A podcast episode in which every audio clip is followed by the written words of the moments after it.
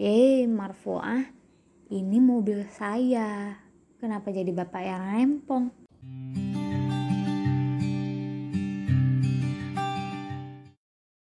Assalamualaikum teman-teman. Kembali lagi ke podcast selanjutnya bersama Citra. Hari ini kita akan bahas sesuatu yang masih berlanjut dengan topik sebelumnya. Oke, okay. Siapa sih yang tidak ingin bahagia dalam hidup ini? Kalau teman-teman sudah pakai konsep yang pertama, yaitu memahami konsep takdir, maka insya Allah sudah mulai tuh kerasa hidup ini lebih tenang kan ya?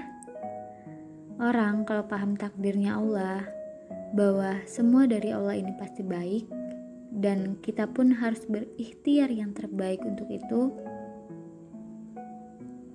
maka hidupnya pasti lebih tenang. Tidak mungkin panikan. Betul nggak? Ada konsep kebahagiaan berikutnya lagi dalam Islam yang kalau kita pakai ini menarik banget ya, yaitu semua punya Allah. Semua punya Allah. Citra punya siapa? Punya Allah. Tangan kita punya Allah. Mata kita punya Allah. Hati kita punya Allah. Negeri kita punya Allah. Semua punya Allah. Kalau semua punya Allah, maka kita tidak mungkin jadi orang yang berhak bangga atas sesuatu. Karena itu punya Allah, bukan punya kita. Kita pun tidak mungkin stres atas sesuatu, karena semua itu punya Allah. Jadi, ini menarik deh teman-teman. Coba bayangkan berapa banyak dari kita yang ketika kehilangan sesuatu, stres kita diambil milik kita, kita stres. Padahal sejatinya itu adalah milik Allah Subhanahu wa taala. Kita hanya dititipin ini oleh Allah. Apa itu misalkan? Contohnya ada seorang tukang parkir. Tukang parkir itu kan dititipin motor dan mobil oleh orang punya motor dan mobil. Parkir nih udah. Parkir mobil di situ. Begitu udah mau pulang kitanya kita mau ambil mobilnya. Bayangin ada orang parkir yang rese. Dia ngadang-ngadang. Eh mbak tolong ya ini mobil bagus udah saya sayang-sayang udah saya lap-lap udah saya jaga-jagain apa kata kita? Eh, marfuah, ini mobil saya. Kenapa jadi bapak yang rempong? ya iya kan? Walaupun bapak udah jagain, walaupun bapak udah rawat, ya ini tetap aja mobil saya. Saya mau keluar, ya saya pengen pakai. Ya suka-suka saya. Kenapa jadi bapak yang rempong? Ya sama, kitanya dititipin oleh Allah orang tua kita. Kitanya dititipin oleh Allah harta kita. Kita dititipin oleh Allah keluarga kita. Dititipin oleh Allah barang-barang di sekitar kita, termasuk kecerdasan kita, termasuk fisik tubuh kita. Kalau ada takdir di mana kita udah jaga sedemikian rupa, tetap aja ternyata diambil oleh Allah, ya suka-suka Allah.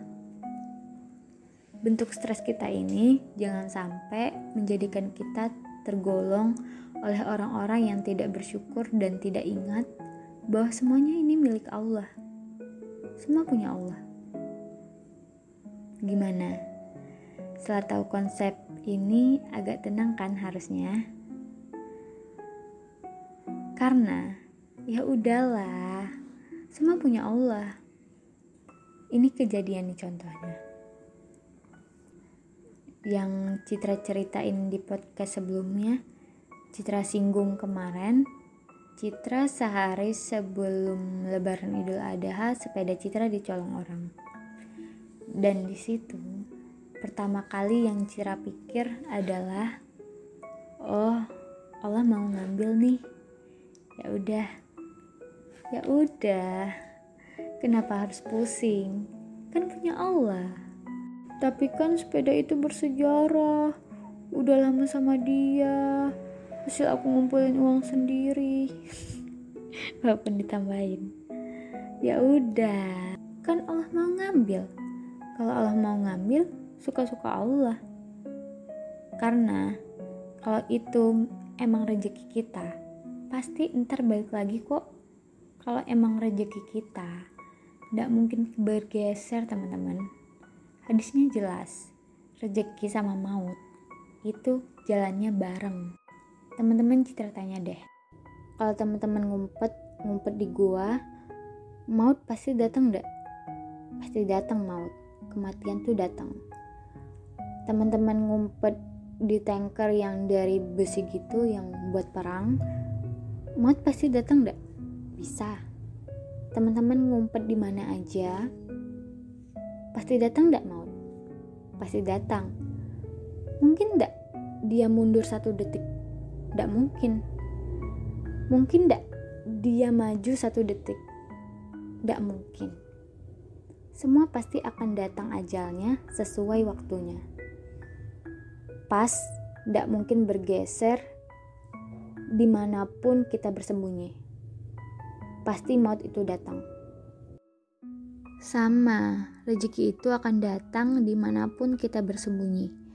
Begitulah kenapa ada orang-orang yang menurut kita, kok jualannya biasa aja, bahkan tempatnya itu pelosok masuk-masuk lorong gitu. Tapi kok ramenya minta ampun? Ya suka-suka Allah, rezekinya memang segitu. Ada orang yang dia berjuang sedemikian rupa untuk berusaha begini begitu diperbaiki bisnisnya. Tetap aja sepi yang belanja. Yang memang rezekinya segitu. Berarti tidak perlu usaha dong. Ya perlu. Kenapa? Karena ikhtiar itu kolerasinya dengan pahala dan dosa. Kalau teman-teman kerja, itu yang dinilai bukan rezekinya berapa, tapi pekerjaan ini sesuai syariat apa enggak. Jadi kalau dia sesuai syariat, maka dia dapat pahala. Kalau dia tidak sesuai syariat, maka dia berdosa. Jadi kalau teman-teman harus bekerja untuk cari uang dan gara-gara itu teman-teman berdosa, misalkan ngambil riba, misalkan jualan barang yang haram. Mending gak usah kerja sekalian, karena tanpa berjualan pun insya Allah rezeki akan tetap ada. Walaupun bentuknya bukan uang ya, bisa makanan, bisa kesehatan, dan sebagainya. Pasti rezeki itu akan datang ke kita. Lebih baik makanya bekerja berbisnis yang halal karena dapat pahala bisnisnya dan dapat rejeki dari jalan tersebut. Jadi tidak perlu galau, tidak perlu baper. Sepeda dicolong, ya alhamdulillah. Apalagi motor hilang, alhamdulillah. Handphone jatuh, stres. Oh ini handphone saya sayang sayang. Saya baru beli. Alhamdulillah. Lila Handphone handphone siapa? Handphone Allah. Lucu loh kita tuh. Ada seorang anak kecil. Kakak adik nih. Bayangin ya. Ada kakak adik. Si abangnya kita kasih es krim. Nih bang es krim bang. Wih seneng banget dia Makasih kakak ini es krim akan aku makan dengan sepenuh hati aku. Terus tiba-tiba datang adeknya. Kok adek nggak dikasih? Adek juga mau. Nah, terus adeknya langsung nyerobot, langsung mau ngambil. Gara-gara rebutan itu, es krimnya jatuh. Kakak nangis. Itu kan es krim kakak marah banget. Terus dia stres gara-gara kehilangan es krim. Terus dia bilang, Mbak, gimana dong? Es krim kakak hilang ini. es krim kakak jatuh. Ini gimana dong? Kita bilang, Dek, tadinya ada es krim enggak? Enggak. Terus, siapa yang ngasih es krim? Mbak, Terus, sekarang es krimnya mana? jatuh. Sama aja kan? Berarti sejak awal kita ndak punya es krim tuh. Si anak kecil ini. Terus dipinjemin es krim, eh belum sempat dinikmatin es krimnya hilang. Ya kan sama aja kayak posisi awal. Nah, kenapa anak ini bisa nangis? Karena dia merasa memiliki es krim. Padahal enggak.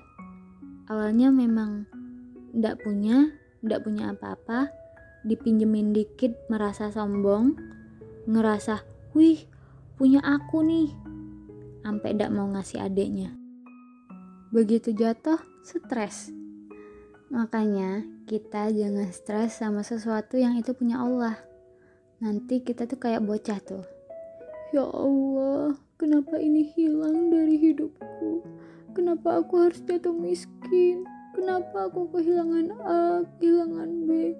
Kenapa harus ini pergi dari aku? Ya emang punya dari awal. Kita harusnya enggak kan? Kita ini dari awal harusnya enggak punya nyawa. Allah titipin nyawa. Kalau Allah mau ngambil, ya suka-suka Allah. Kita enggak punya duit. Allah mau ngambil, suka-suka Allah. Tuh ya, itu poin yang pertama. Yang poin kedua adalah kalau sudah tahu ini titipan, maka pakai sesuai yang punya. Yang punya ini nitip dipakai buat apa? Jangan salah-salah. Jangan salah pakai. Nanti pertanggungjawabannya berat. Kita nitipin motor ke teman kita. Eh bro, titip ya motor aku. Aku mau pergi sebulan nih. Pas kita datang, motornya udah hancur. Pokoknya joknya udah robek sana, robek sini, plat nomor udah rusak. Ternyata dipakai buat ngojek sama ngangkut-ngangkut barang ke pasar sama dia. Ya, aku minta ini dipakai buat ke kampus atau ke mana kek. Bukan dipakai buat kerja, ngangkut barang berat dan sebagainya kali. Itulah jadinya kalau kita pakai barang tidak sesuai titipannya. Allah titipin kita mata, ya dijaga dong. Jangan dipakai buat lihat yang enggak-enggak. Ya, jangan dipakai buat lihat roti sobek.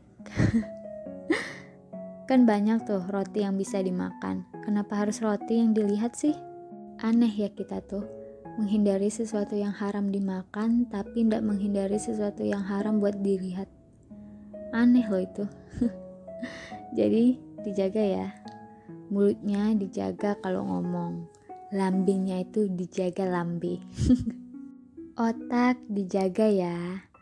Fantasi dijaga. Mulut dijaga. Mata dijaga. Telinga dijaga. Kaki tangan dijaga. Kuota dijaga. Rezeki dari Allah berupa orang tua dijaga. Ya, aneh tuh kita dikasih Allah rezeki orang tua untuk bisa berbakti dengan orang tua aja. Citra yakin itu 24 jam bisa dibilang sebenarnya kurang loh. Karena teman-teman harus kuliah, harus ngampus, harus kerja, harus ini itu. Belum lagi harus mikirin orang tua ngebakti sama orang tua, nyayangin orang tua. Itu kalau cuman orang tua, belum punya anak suami. Itu hal-hal yang dititipin oleh Allah ke kita. Sempet-sempetnya loh, kita nonton drama Korea. yang sekian episode gitu ya. Maksud Citra tuh ada amanah bukannya dikerjain gitu ya. Malah slow. Ya, begitulah manusia. Hati-hati makanya. Citra tuh tidak mau bilang hal haram. Citra cuma mau bilang hati-hati aja. Allah tuh udah titipin. Ntar kalau diambil ngambek.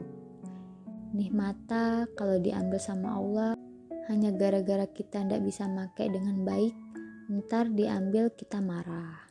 Ya Allah kenapa mataku kau ambil penglihatannya? Padahal pas dikasih dikasih pinjem ndak dimanfaatin. Salah siapa? Oke teman-teman, ya Citra akan balik ke kewajiban Citra dulu. Ada sesuatu yang diamanahkan buat Citra. Teman-teman juga harus fokus kepada amanah yang teman-teman emban. Teman-teman seorang mahasiswa, emban dengan baik amanah itu. Jangan kebanyakan halu. Lulus dengan nilai terbaik, teman-teman diamanahkan orang tua. Ya, do the best buat orang tua. Thank you very much buat udah yang dengerin. Wassalamualaikum warahmatullahi wabarakatuh.